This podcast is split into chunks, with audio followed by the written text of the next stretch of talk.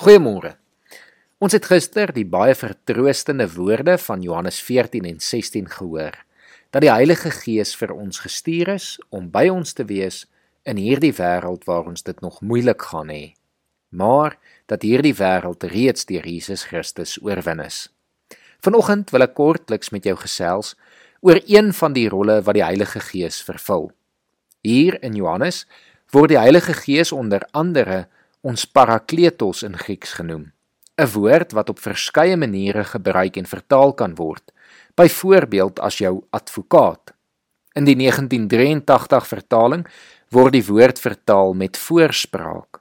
In die 2020 vertaling word die woord nie vertaal nie, maar word dit direk in die Grieks neergeskryf as ons parakleet met 'n onderskrif wat dan die volgende sê: Parakleet verwys na iemand wat geroep is om bystand te verleen, 'n helper, 'n voorspraak, 'n pleitbesorger, 'n trooster. Die woord se bedoeling is letterlik dat iemand langs jou kom staan om jou te ondersteun en namens jou te praat as jy nie kan nie. Miskien het jy al gebid en gevoel jou woorde is net op. Miskien het jy al gebid en gevoel dit werk nie of jy weet nie eintlik wat om te bid en wat om te sê nie. Hoor dan wat sê Romeine 8 vers 26 en 27 vir ons. Die Gees staan ons ook in ons swakheid by. Ons weet nie wat en hoe ons behoort te bid nie, maar die Gees self pleit vir ons met versigtiginge wat nie met woorde gesê word nie. En God wat die harte deurgrond, weet wat die bedoeling van die Gees is, want hy pleit volgens die wil van God vir al die gelowiges.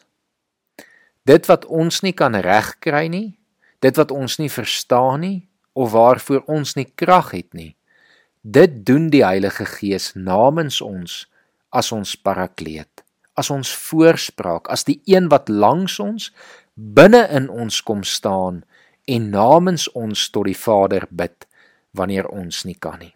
En die Heilige Gees bid presies soos wat Jesus ons ook oor gebed geleer het, volgens die wil van God. En hy pleit vir ons as gelowiges. Hy maak ons harte wat hy reeds deurgrond het aan die Vader bekend. Met ander woorde, daar waar ek en jy nie eers kan verwoord hoe ons voel of weet wat ons moet bid, wat ons moet sê nie, Daar tree die Heilige Gees in ons plek in gebed tot die Vader. Hoe mooi is dit nie?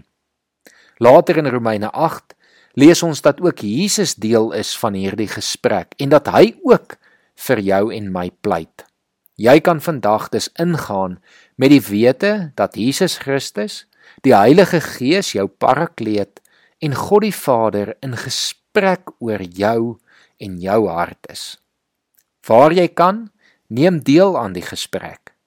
Waar jy nie kan nie, sit in stilte in God se teenwoordigheid en weet hy ken jou hart en hy sal luister.